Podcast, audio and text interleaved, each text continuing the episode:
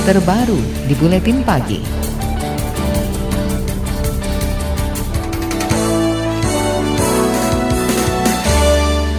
Presiden terpilih Joko Widodo menyerukan persatuan dalam visi Indonesia di Sentul, Bogor semalam. Jokowi juga meminta masyarakat kembali bersatu menjadi bangsa yang maju menghadapi tantangan global. Jokowi menyebut mimpi besar sebagai bangsa bisa terwujud jika seluruh bangsa bersatu, optimistis, dan percaya diri. Jokowi juga menegaskan Pancasila merupakan rumah bersama. Perlu saya ingatkan bahwa mimpi-mimpi yang besar hanya bisa terwujud jika kita bersatu, jika kita optimis, jika kita percaya diri, kita harus ingat bahwa negara kita ini adalah negara besar, negara dengan 17 ribu pulau, dengan letak geopolitik yang strategis.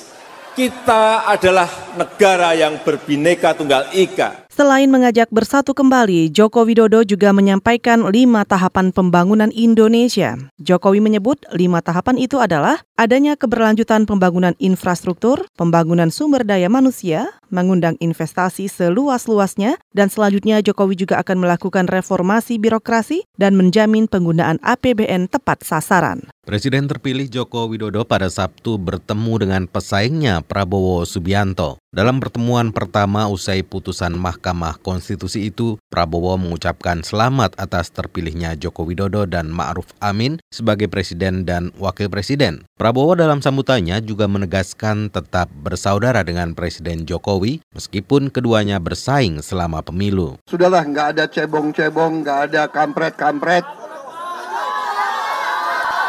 Semuanya, se semuanya merah putih.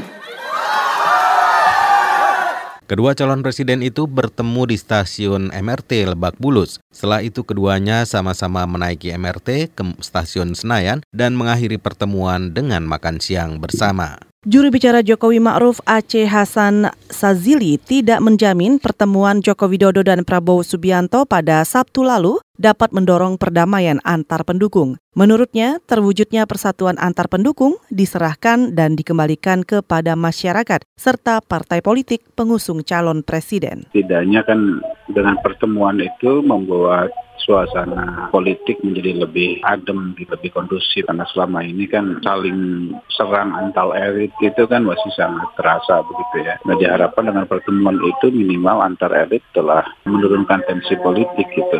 Nah soal polarisasi di masyarakat ya kita harapkan masyarakat mengikuti suasana saling menjaga dan mengawal proses demokrasi yang telah menghasilkan kepemimpinan Pak Jokowi Ma'ruf. Juru bicara Jokowi Ma'ruf Aceh Hasan Sazili juga menambahkan belum dapat memastikan kapan dilakukan pertemuan antar kubu di tingkat masyarakat. Aceh Hasan menegaskan pertemuan antar pendukung dapat meminimalisasi polarisasi sosial masyarakat. Partai Keadilan Sejahtera PKS menyatakan bertemunya Jokowi dan Prabowo hanya sebatas pertemuan biasa. Sekretaris Bidang Polhukam DPP PKS Suhud Ali Nudin mengatakan pertemuan itu dilatari situasi politik yang berkembang ditambah dengan adanya hak partai usai dibubarkan koalisi Adil Makmur. Dan kami menghargai setiap upaya untuk menciptakan kedamaian dan juga persatuan di masyarakat. Saya kira itu positif saja bagi PKS ya pertemuan kemarin itu. Gitu. Sekretaris Bidang Polhukam DPP PKS Suhud Ali Nudin menambahkan sebagian kader menginginkan tetap berada di luar pemerintah pemerintahan atau oposisi pasca pertemuan Jokowi dan Prabowo. Suhud mengatakan usulan oposisi muncul dari sebagian kader partai. Meski begitu, ia menegaskan sikap politik PKS akan tetap ditentukan saat sidang Majelis Suro.